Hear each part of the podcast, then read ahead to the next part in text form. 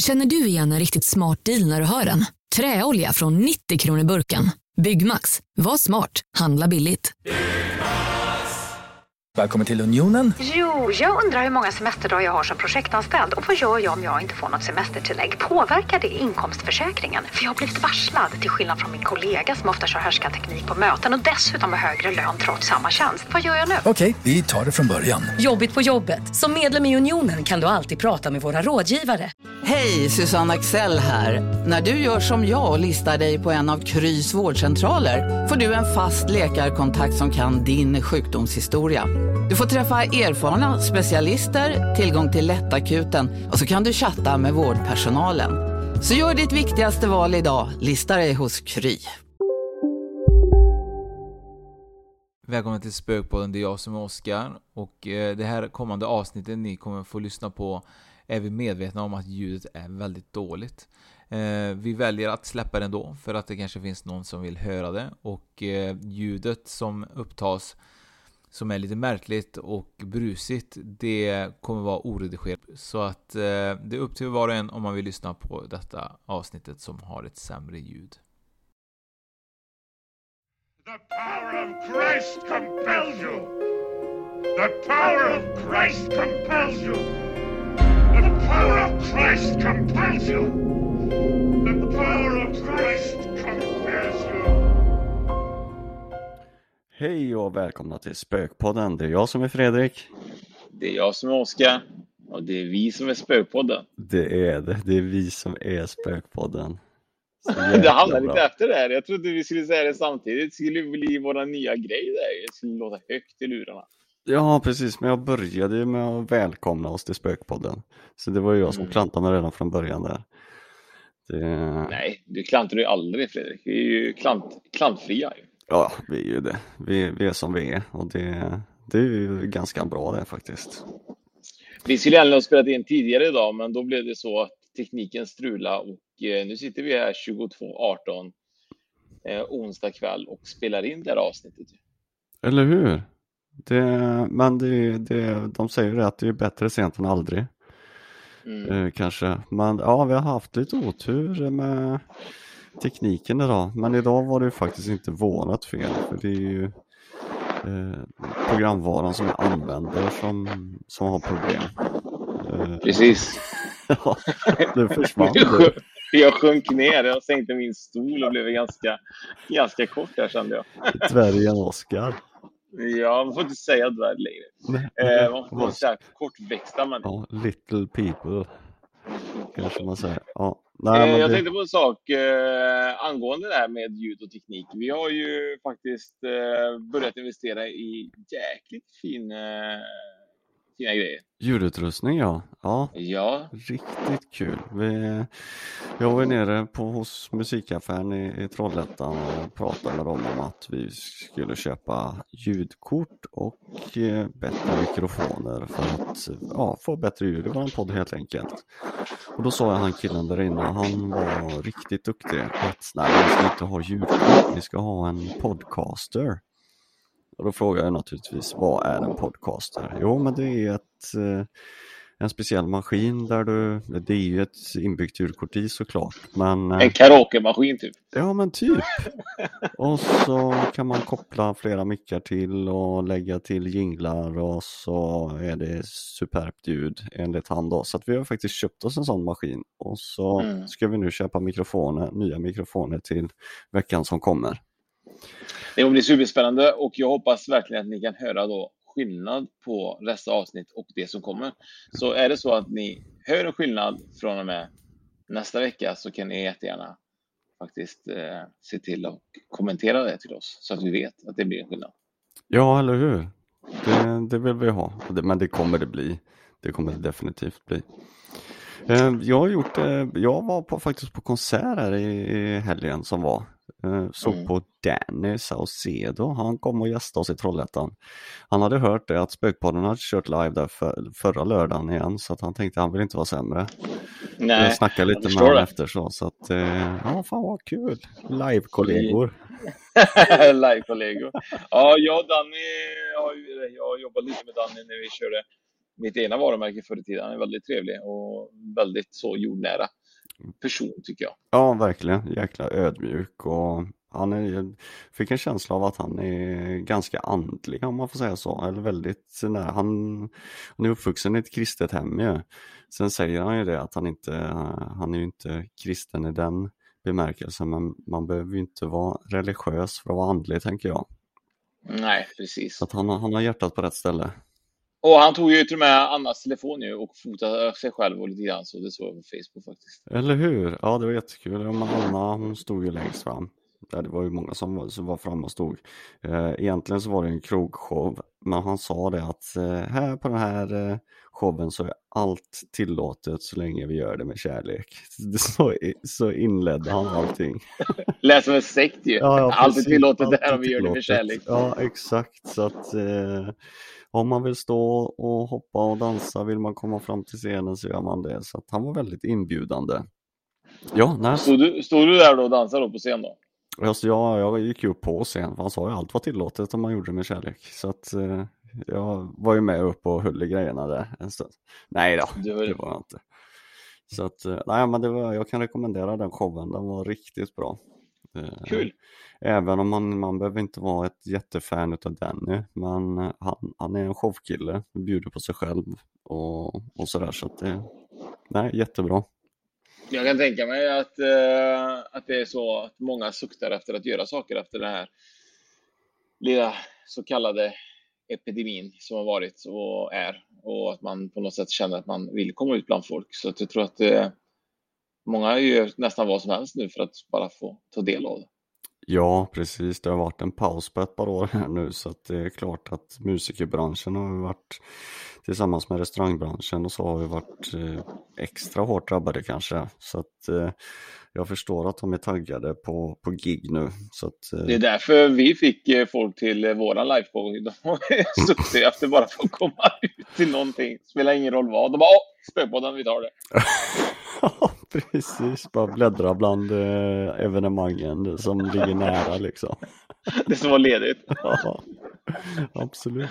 Men du, vi pratade ju om det eh, förut här att det var ju lite roligt faktiskt att vi släppte vårt förra avsnitt, Numerologi, den 11.11.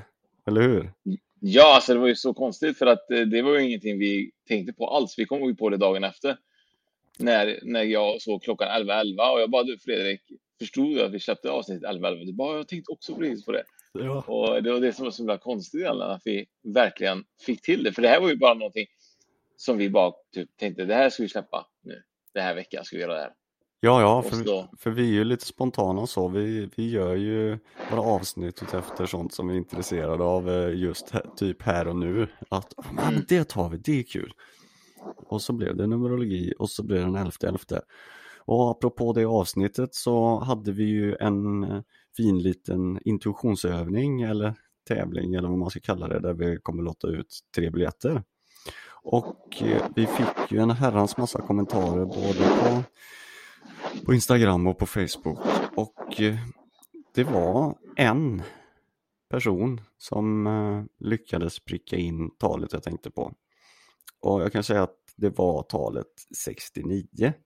Det, det är lite snuskigt att det var det är ju 69 Eller hur? jag. Fredrik. Men grejen var ju det att vi pratade om de olika talen och eh, nian är ju det, Gudomlig. det gudomliga talet och sexan är ju en upp och nervänd nia. Och så tänkte jag att jag får ta dem i, i nummerordning. Så det fanns en tanke bakom att jag tänkte på 69.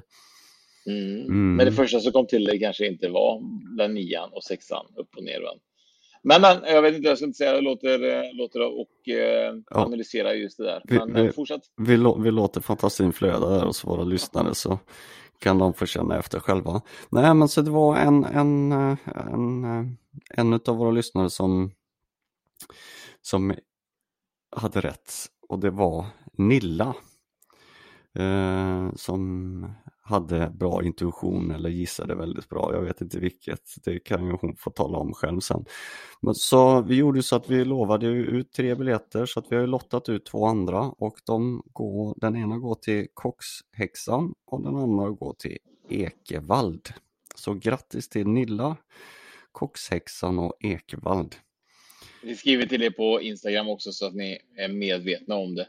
Men det är ganska kul ändå att Nilla vann. Hon är ju en, eh, vad jag känner ibland, hon är ju riktigt eh, Spökpodden-lyssnare. Hon lyssnar ofta, så det är jättekul att hon fick vinna. Då. Ja, precis. Och det som är lite kul med henne är ju också att hennes papegoja recenserar ju alla våra avsnitt också. Hon, ja, hon har ju, precis, hon har ju en kompis som, som också lyssnar på oss. Så det är kul, det är jätteroligt. Så att vi, vi gratulerar er tre. Och eh, för er som eh, vill eh, vara på mässan utan att kanske ha vunnit en biljett så är det ju så att det är den 27 november och det är på eh, ja, i Göteborg då på den alternativa julmässan. Eh, och vi har en ny tävling som är eh, just där på Instagram och det är att vi lottar ut en tarotkursbok som heter 111 av Susanne Svantesson som är en av arrangörerna till den här mässan och så vinner man även en kan man vinna även en mirakelkalender. Jag vet inte riktigt vad mirakelkalender är, men det är väl förmodligen något som dig lite mirakel. Vet du någonting om det? Nej, jag är inte heller så inne på mirakelkalendrar, men eh, förhoppningsvis så har man en sån kalender så uppstår det ju ett mirakel varje dag då. Eftersom man har den kalendern. Det är Det måste ju vara något väldigt bra i alla fall, tänker jag. Ja, verkligen. Eh, vi får ju nästan köra igång med avsnittet. Vi har ju babblat på för mycket känner jag just nu. Eh, vi har ju varit väldigt duktiga genom att vi har ju till och med suttit och kollat på skräckfilm eh, i, i varsitt land ju. Du har ju lyssnat på, eh, eller du har kollat på eh, Exo, vet du vad, The Exorcism of Emily Rose. Den har jag sett. jag kollat på The Exorcist från 1973. Ja, du såg or- originalet med, Du- men du har sett den nya också eller? Eller det finns Ja, en- men vet du vad det konstiga är? Nej? Att jag blev så himla chockad för Max von Sydow är ju med i Exorcisten och den är från Mm. 1973. Och när man kollar på Exorcisten från 1973 så ser det ut som att Max von Sydow är närmare 80 år gammal i den filmen. Mm. Han dog 2020 ju, så han Mm. var, blev ungefär cirka 90 år gammal. Han föddes 1929 tror jag. Och han ser ju redan då ut som om han var typ 80. Så jag tänkte typ så här varje gång jag kollar på Exorcisten, det går inte ihop. Han, må, han måste ha dött för typ så här 15 år sedan någonting. Men eh, de hade tydligen eh, googlat upp lite grann då. Då hade de ju sminkat honom så han såg så gammal ut. Jag har alltid, alltid trott att Max- Max von Sydow såg så gammal ut som han gör i Exorcisten, men det gjorde han inte. Nej, nej det, jag har faktiskt inte sett den Exorcismen, eh, originalet. Så att, eh, men jag har, eh, jag har ju sett Max von Sydow flera gånger och jag tycker faktiskt alltid han har sett äldre ut. Men jag vet inte, Mm. han har en speciell pondus över sig också, tycker jag. Ja, han har, han har ju verkligen det. Mm, absolut. Och eh, de här filmerna, som ni förstår då, de, de handlar ju om exorcism och andeutdrivning. Och eh, begreppet syftar ju på utdrivning eller besvärjelse av andar och, som man ska få ut ur människor som man anser vara besatta av demoner. Eh, de här demonerna har alltså tagit människorna som utsätts för det i besittning och styr dem och de vill ju inte väl. Eh, och exorcism förekommer i princip i alla religioner och kulturer där det finns andeväsen. Eh, och då har vi till exempel eh, Shivaro-folket, det finns inom kristendomen. Eh, lite mindre sällan i pro- protestantismen heter det. Och katolska och ortodoxa kyrkan, det är väl där det är mest eh, vanligt förekommande. Men om vi går in på kristendomen så står det faktiskt i Nya Testamentet om eh, exorcism och mirakel som Jesus utförde. Och när Jesus sände ut sina lärjungar att förkunna ankomsten av Guds rike så gav han dem makten över de andra andarna. Sen finns det också exempel i Markus eh, evangeliet och det finns i apostlagärningarna och så vidare och så vidare. Och faktiskt så tidigt som på 200-talet så kom exorcismen in i dopritualerna. Så att eh, alla som man döper med eh, ja, det här dopvattnet då så har det förekommit en form av exorcism tidigare. Dels så driver man ut andarna ur vattnet Och sen så, barn är ju inte onda. Det kan man ju inte påstå att de är när de döps, men det gäller ju även vuxna då. Men, men då menar det, man sätter ju kors. Eh, dels så gör man kors över vattnet och sen så målar man kors med vattnet på pannan och på kinderna på, på barnet. Och det, det är en form av exorcism. Visste du det? Nej, faktiskt inte. Jag trodde bara att eh, man skulle döpas för någon annan anledning, men inte, men inte för att man skulle typ... Det kanske är för att skydda en mot demoner? Kanske det, ja, det är mer så att man driver ut det onda ur vattnet och eh, skyddar från det onda i fortsättningen då och, och även barnen då. Eh, så det, det är häftigt. Det är ju ett väldigt stort ämne att prata om eh, både exorcism egentligen och ett stort ämne att prata om demoner allmänt. Det är ju egentligen det, det kan man ju prata om i säkert i 350 avsnitt. För att det är väldigt, väldigt stort där.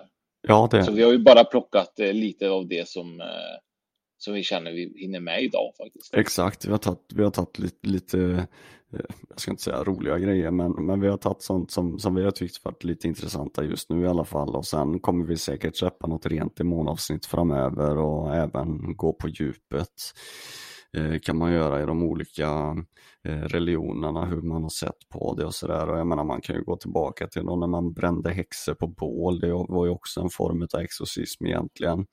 Så det finns ju många olika former av det, men det som alla känner till egentligen, det är ju det man har sett från, från skräckfilmer. Där det oftast, får jag säga, är en kvinna som blir besatt av en demon och så ja, lyfter från sängar och kroppen vrids och, och, och bryts i alla möjliga olika vinklar och sådär. Det är ganska otäckt faktiskt.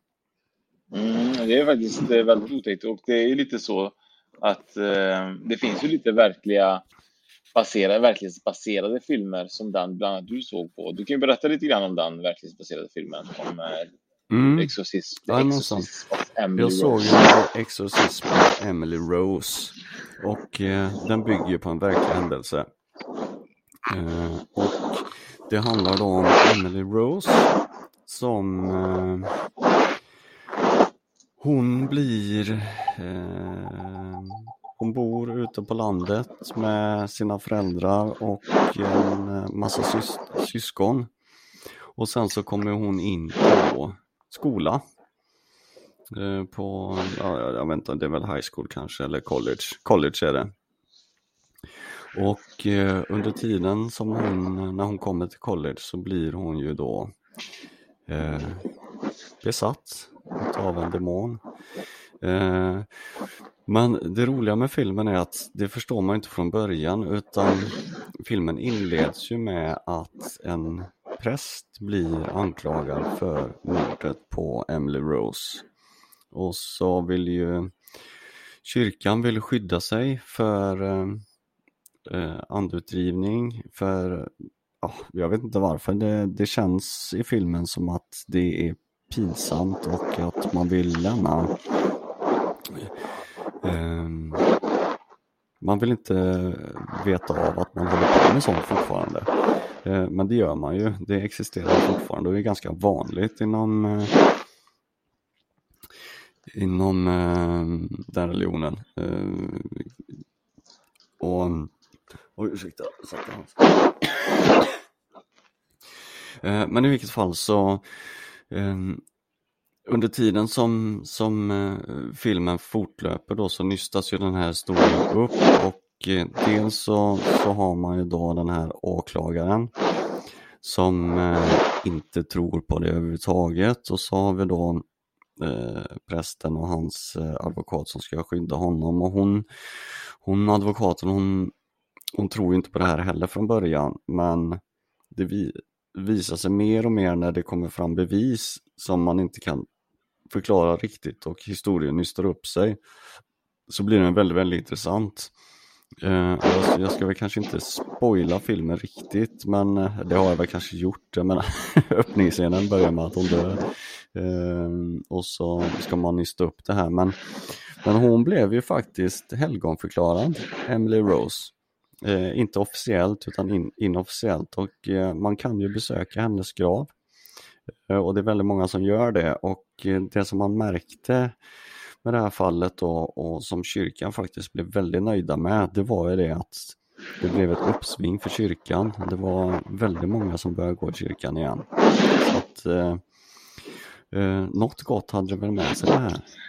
Men sen kan det ju vara lite så också att filmen kanske inte berättar kanske exakt hela sanningen. För att eh, jag tänker lite grann så här. Jag, vi, vi har gjort lite research. Du hade kollat på filmen och jag gjorde Mm. lite research om verkliga baserade historien. Då. Absolut, de skiljer, var de så- skiljer ju sig lite åt som du säger. Ja, precis. Eh, för att eh, den här tjejen då eh, var 23 år gammal när hon gick bort och hon var från Tyskland då och hon heter Annelies Michel eller Michael kanske hon heter, Michel tror hon heter. Eh, född 1976 och eh, det utfördes över 60 exorcism på henne och det började när hon var 16 år. Det var då hon fick sitt första anfall. Eh, hon fick en diagnos som är temporal lob epilepsi då. Och eh, det är typ som en vanlig epilepsi men den sitter vid eh, frontalloben då. Och även depression. Eh, hon rapporteras också att avsky religiösa ikoner, höra röster och hon blev självmordsbenägen. Så det var väl lite det som de kanske kände någonstans att hade med, med den här besattheten att göra. Hennes familj var då övertygad om att hon var besatt och övertalade så småningom ett par präster att exorcera ut henne, alltså att man skulle utdriva den här demonen ur hennes kropp. Då. Men hennes föräldrar och prästerna dömdes för vårdlöst mord på henne. Och eh, jag vet inte om det är med i filmen att föräldrarna blir eh, och prästerna får en, en dom för mord. Men Nej, föräldrarna får inte det, men prästen han blir dömd till eh, eh, vållande till annans död för att han underlät att, eh, att eh, uppsöka läkare eh, med henne då. Men det är precis som du säger, för hon vårdas ju då för Eh, det är ju en, en, en expert där som åklagaren har med sig som är eh, han hade myntat ett eget uttryck och det var då var det en kombination utav epilepsi och eh, psykos eh, och typ epilepsipsykos. Och det var så de menade då att eh, epilepsin framkallade psykoser och psykoserna för, skulle då förklara de här synerna som hon berättade när hon såg vålnader och, och sådana saker. Och det är väl kanske det som är då det här temporal eh, lob eh, epilepsin då. Det kanske är att det medför något psyko, psy, psyko, psykosis i det då. Ja, ja precis. Eh, enligt filmen så i alla fall så finns det ingen sån diagnos utan det var något som han hade hittat på Mm. Eh, och försökte mynta det uttrycket. Men det blev, det blev aldrig vedertaget för man, man kunde inte bevisa att det faktiskt var så. Eh, sen vet inte jag, jag är inte jättehemma på epilepsi om det kan framkalla sådana eh, halluc- hallucinationer och så vidare. Eh, och varför, det du säger där just det med, med att det var så många eh, försök till utrivningar då. Eh, det var ju det att hon åt ju en epilepsimedicin och den gjorde att man blev lite groggy. Att man var inte riktigt med i huvudet, man var inte skärpt. Och det var det som gjorde att exorcismen inte fungerade. För att en exorcism fungerar bara när hjärnan är klar och är med. Eh, och det handlar på något vis om att eh, ja, att eh, samla sig och ja, jag, jag hängde inte riktigt med hundra på, på det om jag ska vara ärlig. Men eh, Det är okej. Det är Ja. okej, vi förstår vad du menar. tack ska du ha, tack ska du ha. Det är det som är så ganska skrämmande tycker jag, att det finns ju extremt många fall i världen och som, eh, som än idag eh, går eh, snett när man utför en exorcism. Och det utförs säkert jättemånga exorcism som inte går fel. Men eh, de som går fel är ju så himla tragiskt att ibland kan det vara så enkelt att de har en psykisk sjukdom som absolut inte har någonting med just det här demoner att göra. Då. Eh, bland annat då så är det ju så att jag vet inte om du känner till skådespelaren Morgan Freeman. Jajamensan, han är ju grym. Han är Jajamän, grym, ja. Ja, han brukar spela Gud i många, ja, många det har han har gjort. en fantastisk röst. Liksom. Absolut. Sen, sen är inte han med Robin Hood också? Jo, men det kan nog stämma Mm. att han är. Eh, han har ju, hade ju ett styvbarnbarn som eh, var 33 år gammal och hette Edena Heinz. Hon knivhöggs då dödligt med eh, 25 hugg av sin pojkvän som hette Lamar Davenport. Då. Och detta hände 2015 i Manhattan. Okej. Eh, vittnena berättade för myndigheterna att eh, de hade hört han, Lamar Davenport då, eh, skrika out devils, I cast your devils in the name of Jesus Christ. I cast you, säger Heinz då. Och fortsätter att hugga henne och försöker eh, ja, ta livet av henne mer än vad han kanske borde försökt. Men så han, Och men, han var en rappare han, som het, va? han menar då att hon var besatt? Hon var besatt ja. Ja, det låter mer som att det var han som var det. Ja, han var ju mer besatt, ja precis. Eh, och det ska vi komma fram till lite grann också, eh, som, är intressant, som är väldigt intressant sen, eh, när vi kommer in ännu djupare i podden. Eh, och eh, polisen var tvungen att eh, hålla kvar, hålla honom tillbaka, eftersom han fortsatte att försöka attackera kroppen även när han greps då. Eh, Davenport fördes till sjukhus för mental utvärdering efter hans arrestering och han vaknade och skrev, skrek då varför hände det här? Nej, nej, varför Gud? Eh, han frågade också om eh, de som hade arresterat honom, om de trodde på Gud och uppmanade dem att omvända sig från sina synder.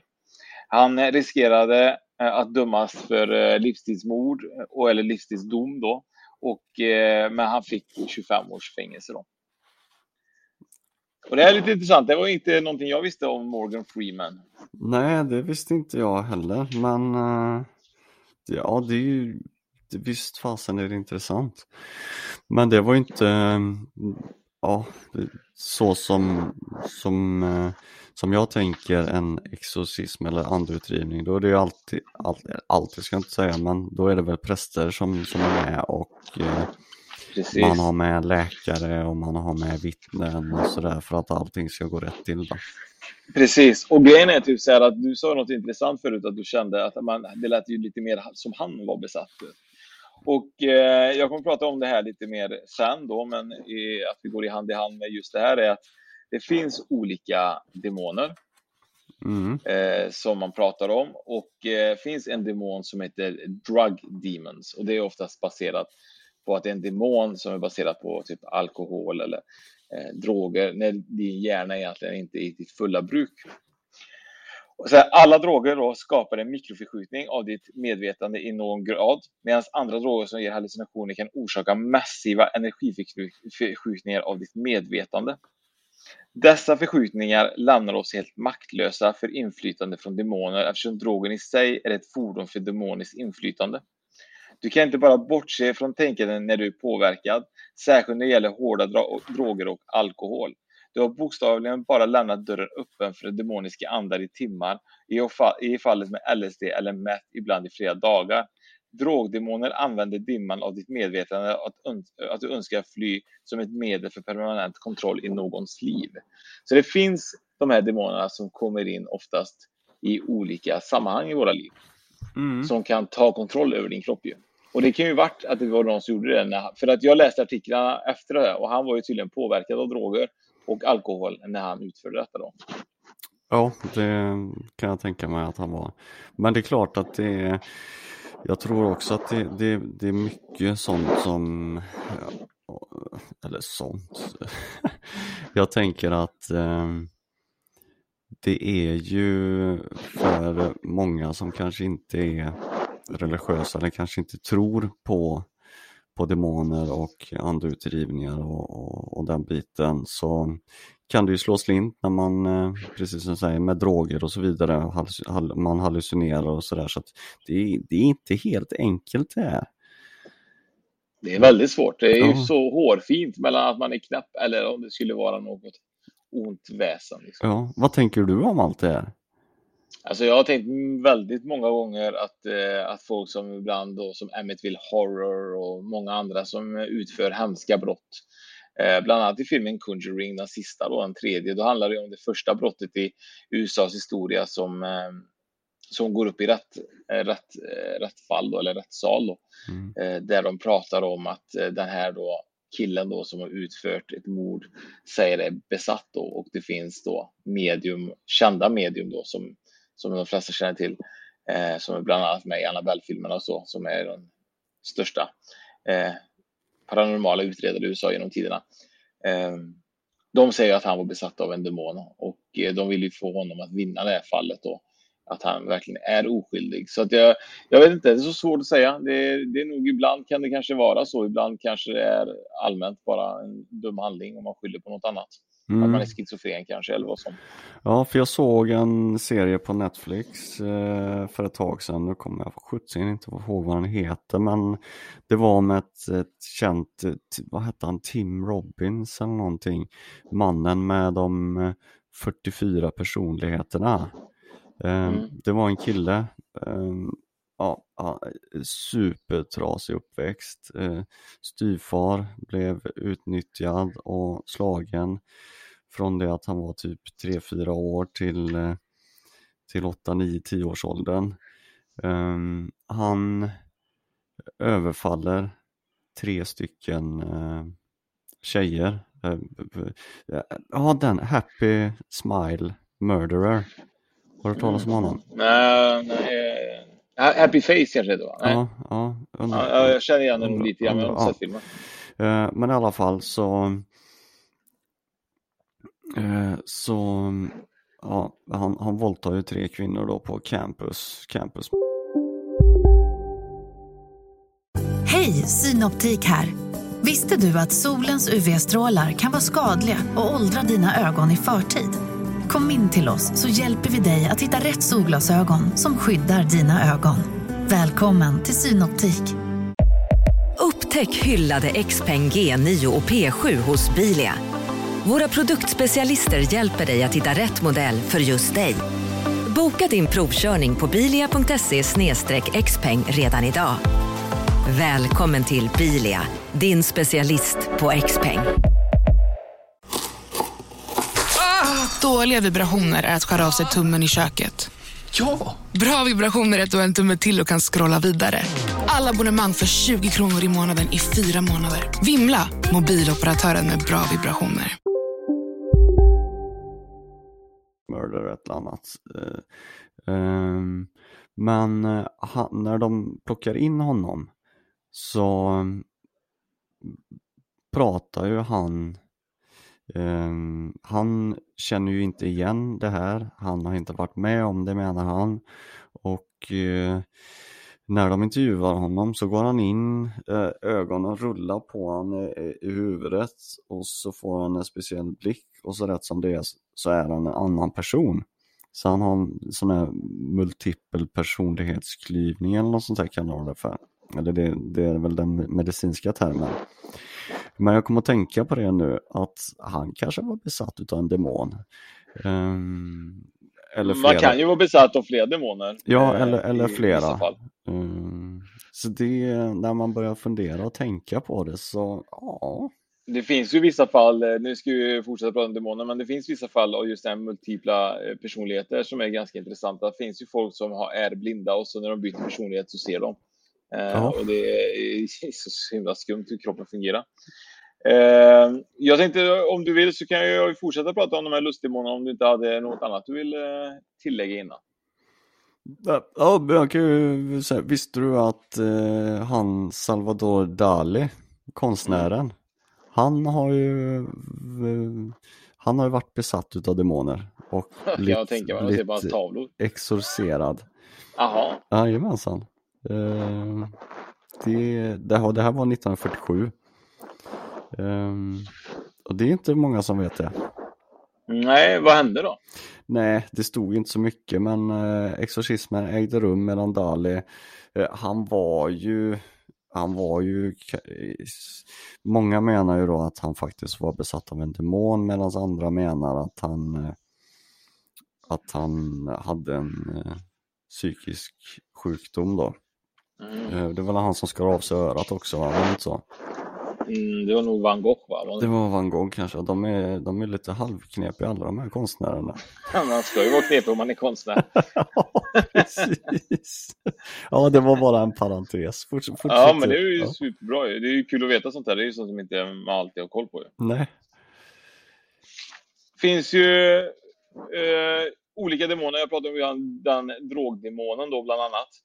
Eh, och sen finns det då någonting som heter eh, som heter lustdemons då, som handlar om sex och lustdemoner då. Det finns en anledning till att förra seklets ökända ockulta ledare som Alistair Crowley ägnar mycket av sitt skrivande åt sexmagi då. Och för er som inte vet vem Alistair Crowley är då, så var han så att han var en man ifrån England som skrev lite böcker. Han var ockultist då och föddes 1875 och dog 1947. Och han var en medlem i det hemliga sällskapet Golden Dawn och eh, där avslutade han efter en period och så startade han egen, eh, egen församling som hette AA då, Ergentum om Astrum. Eh, och eh, han flyttade samma med åren till Sicilien där han slog sig ner i ett kloster och tillsammans med sina lärjungar då, så ryktade, rykten spreds att i det klostret pågick orger och magiska ceremonier under vilka spädbarn offrades. Då. Och han har då skrivit mycket om det här med lustdemoner. Eh, det som är är ju så att dessa demoner manifesterar sig genom det energiska, en, eh, kan man säga energiska, vad säger man, en, energiska, energiska va? Säger man. Är man energisk så är man ju flitig. Ja, ja. Dessa demoner manifesterar genom energiiska utbyten av sexuell tillfredsställelse. Då.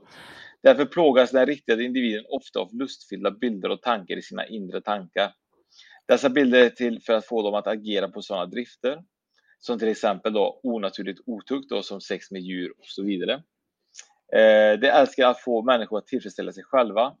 Anledningen till det är att få in dem i fördärven som eh, i- får dem att ha djursex och även pedofili är målet för den här demonen.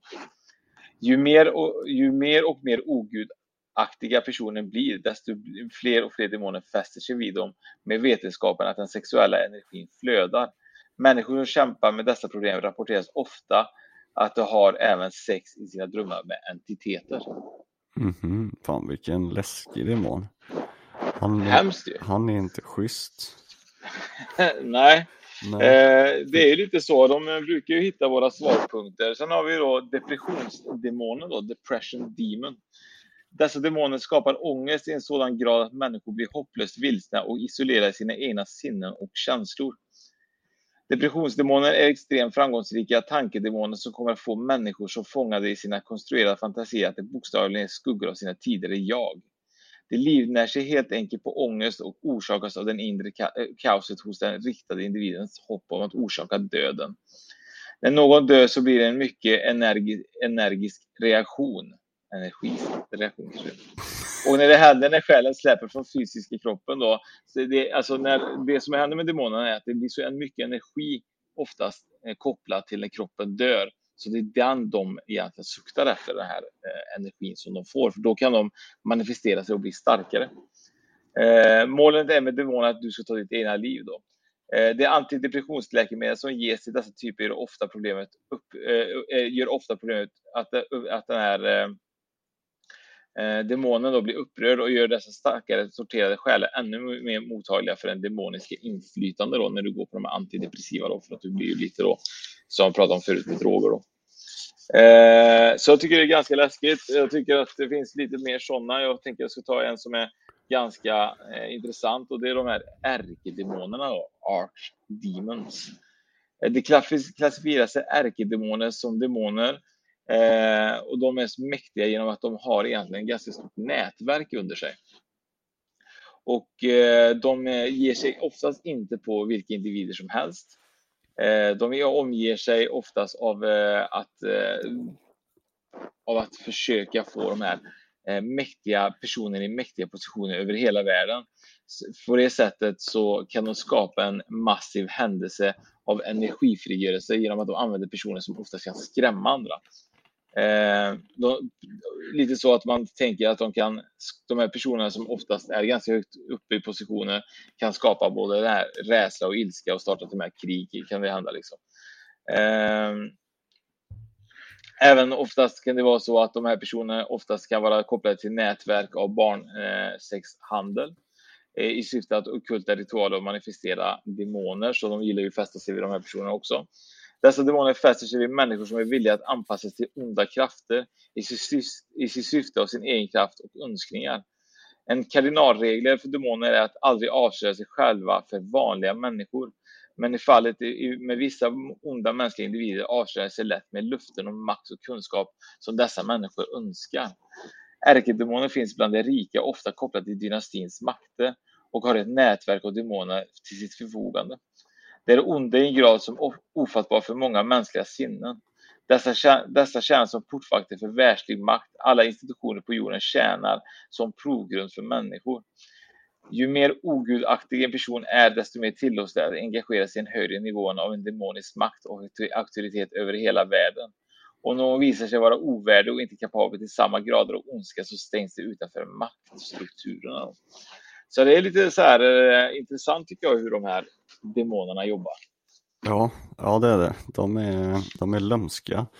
Verkligen. Och sen just det att de ger sig på då eh, människor eller personer med i maktpositioner. Eh, de är ju slipade, de vet ju vilka de ska gå på.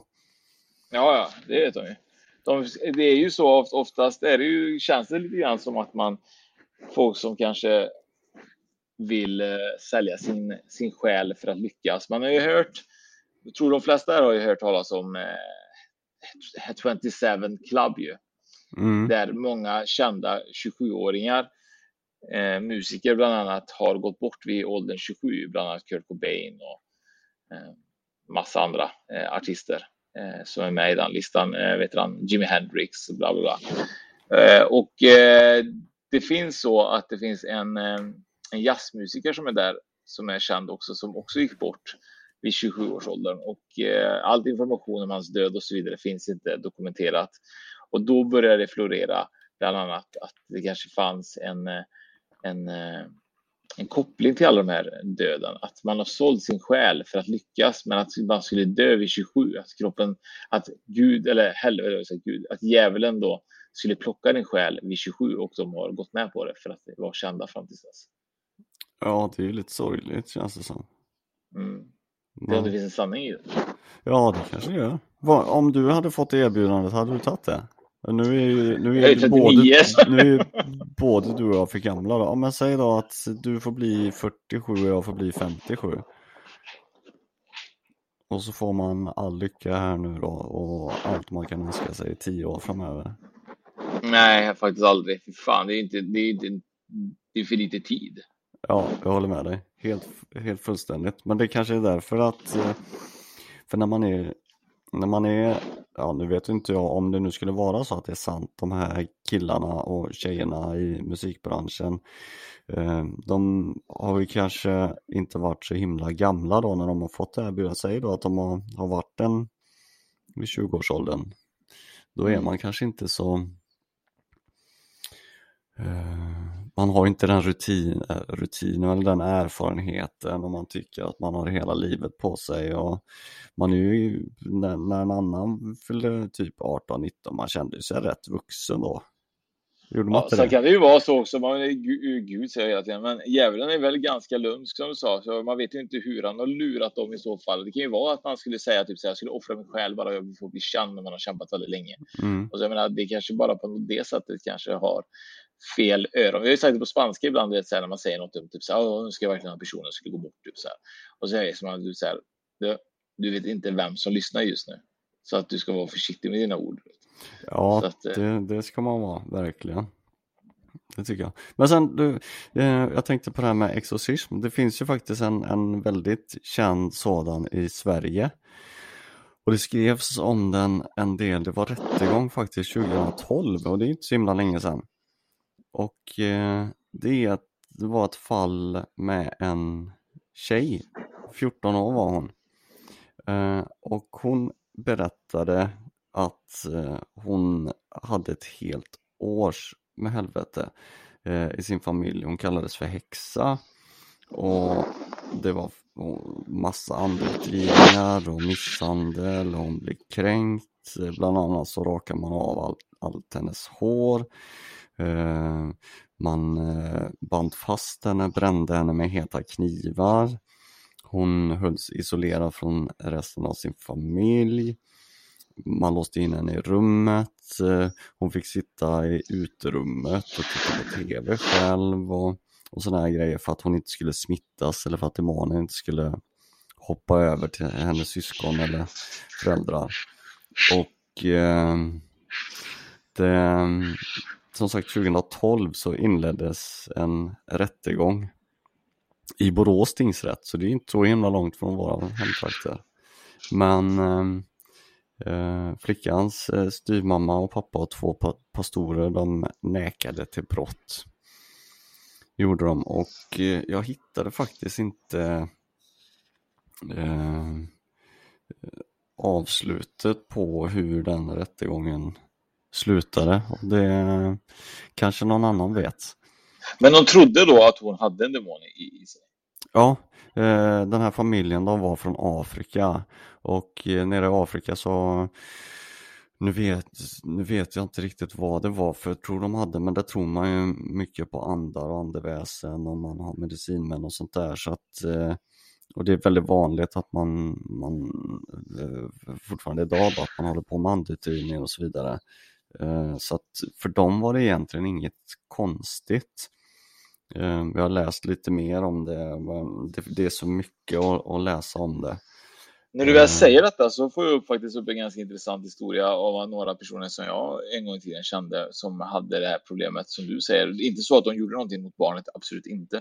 Men barnet hade eh, typ, jag gissar eh, vad jag tror och jag tror även vården hade sagt det, typ att barnet hade typ någon slags typ autism. Mm.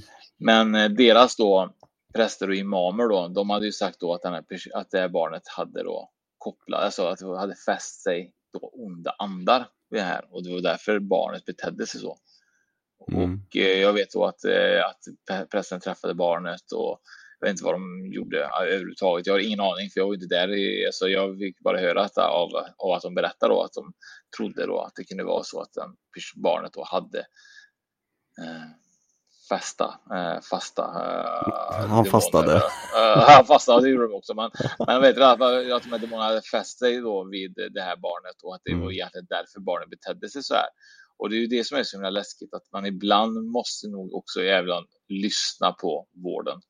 Eh, man kan nog inte bara tro och hoppas på att det är någonting som ska gå över om man tar hjälp av präster eller imamer och så vidare. Eh, man får nog bara se till att barnet får proper vård. Eh, mm. Vet Men är det inte så att alla barn någon gång är eh, utsatta för demoner eller? Jag tänker typ treårsåldern eller sådär, de bara gapar och skriker och ska ha sin vilja fram och de blir helt tokiga. Och... ja, men det här barnet var ju, det här barnet var ju lite åt så, det var nog både, både och. Då. Alltså, det är så svårt, men det kan, det kan ju vara så att det var besatt, jag har ingen aning. Eh, det vore ju tragiskt om det var så, men, eh, men jag tror också typ att det är väldigt viktigt att man inte bara fäster blicken vid att man tror att det är något andligt eller religiöst eller någon Nej, demon. Jag, jag har ju faktiskt ett fall också från 2008 där en, eh, en doktor, eh, Dr. Richard E. Gallagher, eh, menade, han skrev alltså en avhandling om det här. Han menade att en patient som han kallade för Julia, att hon var besatt av demoner. Och det är väldigt ovanligt att vetenskapsmän och psykiatriker skulle erkänna möjligheten till att det finns demoner och att eh, det inte är på grund av psykisk sjukdom. Och det skiljer ju det här fallet från många andra, att just att det var en doktor och en psykiatriker som, som skrev det här. Och eh, han skriver personligen, han Dr. Gallagher, att han observerade objekt som flög runt i rummet och Julia svävade ur sängen vid ett par tillfällen. Hon talade ofta i tungor och kände till allmänt saker om människor runt om henne som hon inte egentligen hade en aning om. Och ja. eh, jag ska läsa här, eller citera eh, vad han hade skrivit, bland annat den här Dr. Gallagher. Han skriver så här. Med jämna mellanrum i vår närvaro skulle Julia gå in i trance-tillstånd. Ur hennes mun kom det olika hot, glåpord eh, och eh, eh märkliga språk. Uh, och meningar som typ Låt henne vara din jädra idiot, hon är vår. Lämna rummet, din imbecille präst. uh, försvinn härifrån.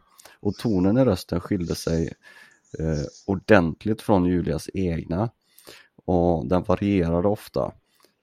Och ibland var den väldigt grov och våldsam och ibland så var den svag och viskande.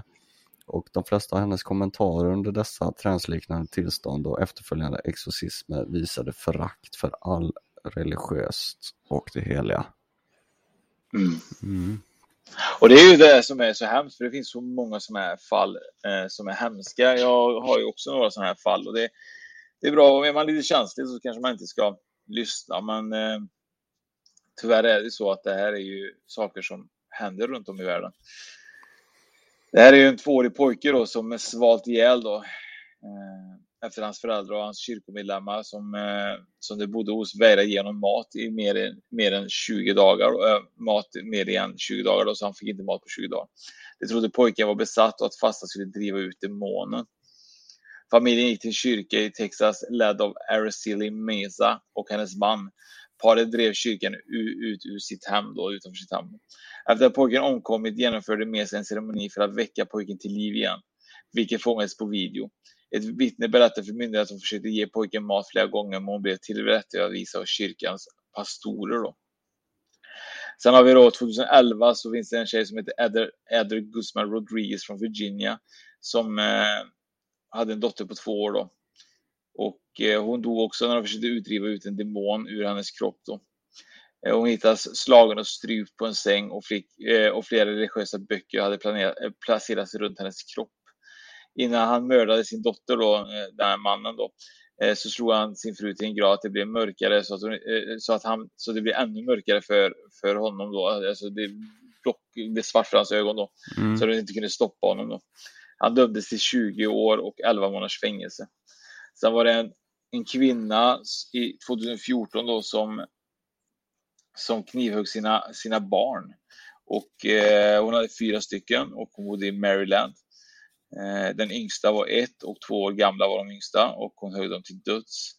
Eh, och den andra var åtta och skadades men överlevde. Eh, hon åtalades också för mordet. Då. Eh, sen var det någon annan kvinna som jag läste förut som hade skurit ur tungan på sitt tvååriga barn också. För han trodde också var besatt av en demon. Så det är ju lite det här. Händer detta på riktigt eller vad, vad, vad tror du för slutsats? Ja, uppenbarligen så händer det ju på riktigt, men sen vad orsakerna är, det, det får man nog låta vara lite osagt. Jag är, jag är lite delad för att eh, Eh, jag är utav den meningen att jag tror ju inte att vi är ensamma här på jorden. Eh, vare sig som människor eller eh, jag tror att det finns andra existenser och allting är ju energier så varför skulle, varför skulle det inte kunna vara så att, eh, att eh, demoner är en form av ond energi till exempel. För det är som du berättade tidigare att de, de suger ju ut energin ur de som de har eh, eh tagit i besittning, vad man ska kalla, i dödsögonblicket. Så det är det de livnär sig på. Så att ja, det är alltid möjligt känns det som. Det som jag tycker är läskigt i det här är ju att det har pågått med exorcism, alltså så himla länge. Och jag menar, de historier om helvetet jord och demoner och så vidare, det är ju, det är ju tusentals år gammalt det. Ja, det är så det. det här är ju ingen ny påhitt som, som pågår. Nej, absolut inte. Och om man ser till eh, kyrkan igen då, jag menar vi, Martin Luther eh, och de nordiska kyrkorna, de höll på med exorcism fram till, i Danmark så höll man på, på med det fram till 1783. Eh, I Norge ända fram till 1810-talet där någonstans. Och i Sverige fram till 1886. så var det här eh, legitimt inom kyrkan. Alltså det var en vedertagen åtgärd som man gjorde när man, man trodde att någon var besatt. Det är sjukt, det är jävligt sjukt faktiskt. Ja, det är ju inte jättelänge sedan om man eh, ja, om man tänker på hur länge jorden har funnits. Det är ju några hundra år tillbaka men det är inte mer än så. Det är ganska intressant är att eh, Vatikanen är ju egentligen kända för att vara de som ska godkänna en, en riktig exorcism när det gäller just den här katolska biten. Ja, det, och det, det, det är precis som du säger, för de, de, de måste alltid sanktioneras utav högsta hönset i kyrkan, så är det. Ja, Så man- och eh, tydligen då så är det ju så att Vatikanen utför ju fortfarande, i alla fall det här är en artikel från 2014, och de ger ju tummen upp för att man ska fortsätta utföra exorcism då. Då är det ungefär en 250 präster i 30 länder då som, som har fått formella godkännande att ge ex- exorcister runt om i världen. Eh, och det tycker jag är ganska läskigt ändå, att, att man på något sätt godkänner något sånt här. Alltså då måste det kännas som att det, de vet någonting som inte vi vet.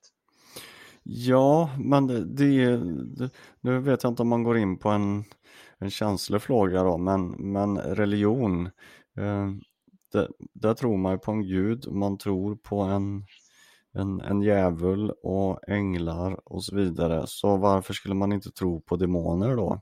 Och eh, är det här sant, eh, så är det ju, det är ju inte konstigt då att man gör så. Nej. För då är, ju, Och- då är ju exorcism eller andutdrivning enda vägen att bli av med, med demonen eller andarna. Mm. Så att ehm, allting handlar ju om vad man har för perspektiv och tro på det.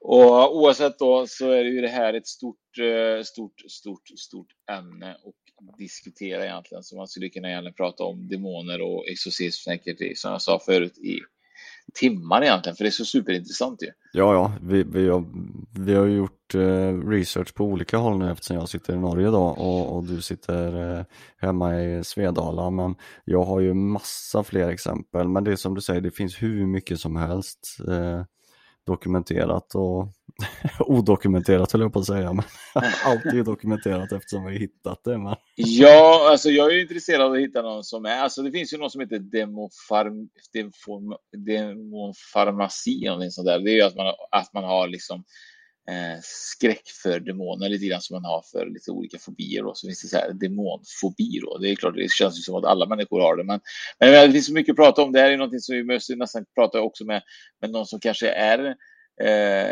intresserad av det, som kan mer än vad vi kan också eh, och, Det- och, och bryta ner det lite. Ja, det hade varit väldigt intressant om vi hade kunnat få ta på, på en präst som faktiskt utför eh, exorcism.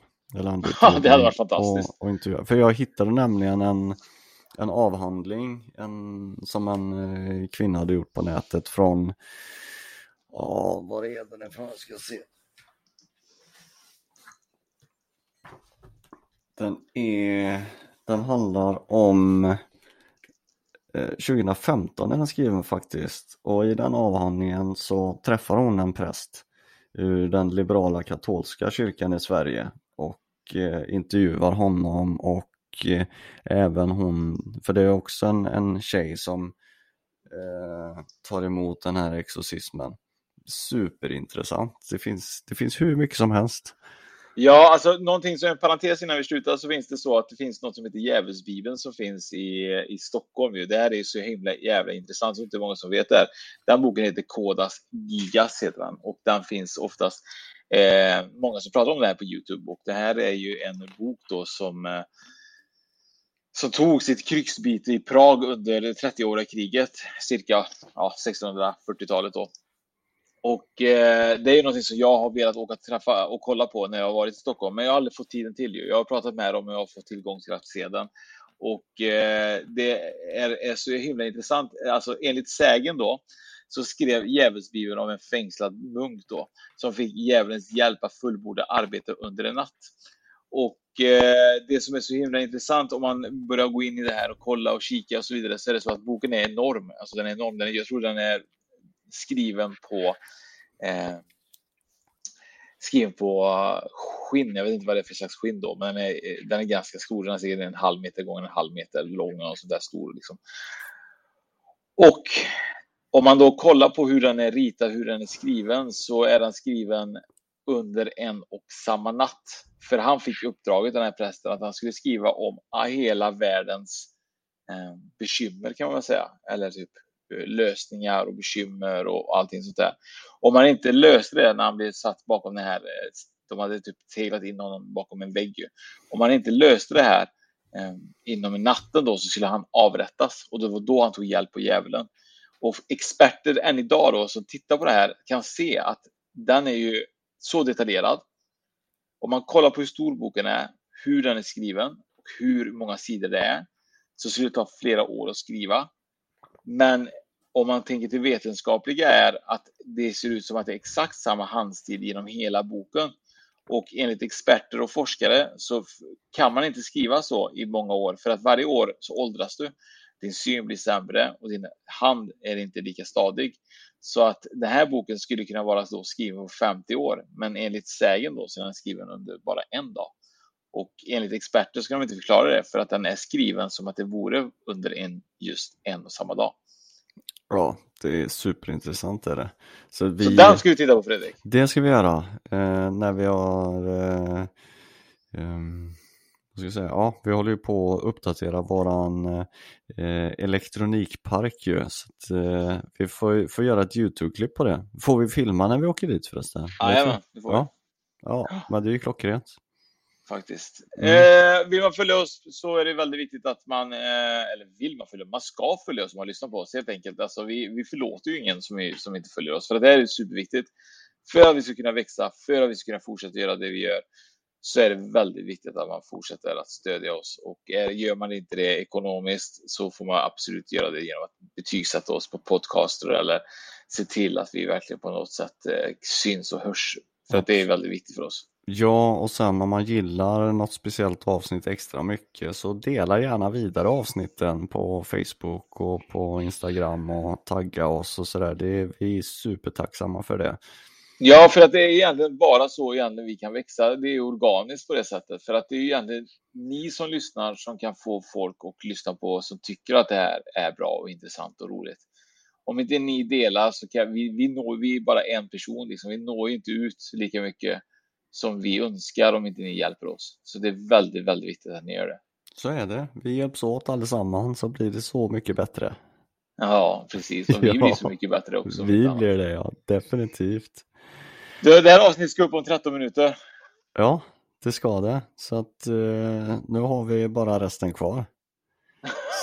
Eller hur? Lite redigering, lite, lite annat. Ja. Eh, jag så. får tacka Fredrik för att, eh, för att du eh, kunde spela in så här sent idag efter tekniken strulade. Så det var jättebra att vi kunde få löst det. Eller hur? Och jag får ju tacka dig då Oskar för att du är en sån kämpe. Fantastiskt. Ja. Eh, tack och hej mina kära vänner och kollegor tänkte jag säga. Men eh, till återhörelse. Det, ja, vi hörs igen. Ha det så gott. Kan man säga hej. återhörelse Fredrik? Ja, det kan man säga. Vi, vi myntar det uttrycket på återhörelse.